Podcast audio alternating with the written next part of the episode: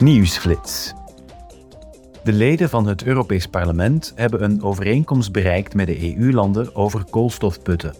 Die willen ze meer bepaald uitbreiden in de sector landgebruik en bosbouw. Zo zou de EU voor 2030 haar uitstoot van broeikasgassen met 15% kunnen verlagen.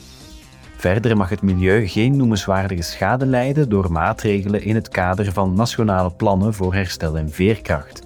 De EU-landen zouden dus moeten aantonen hoe ze dat gaan vermijden. Wie de regels niet naleeft, zal bovendien bestraft worden. Vandaag bespreekt de Commissie Internationale Handel van het Parlement een voorstel van de Europese Commissie. Het gaat om een richtlijn voor passende zorgvuldigheid in het bedrijfsleven op het gebied van duurzaamheid.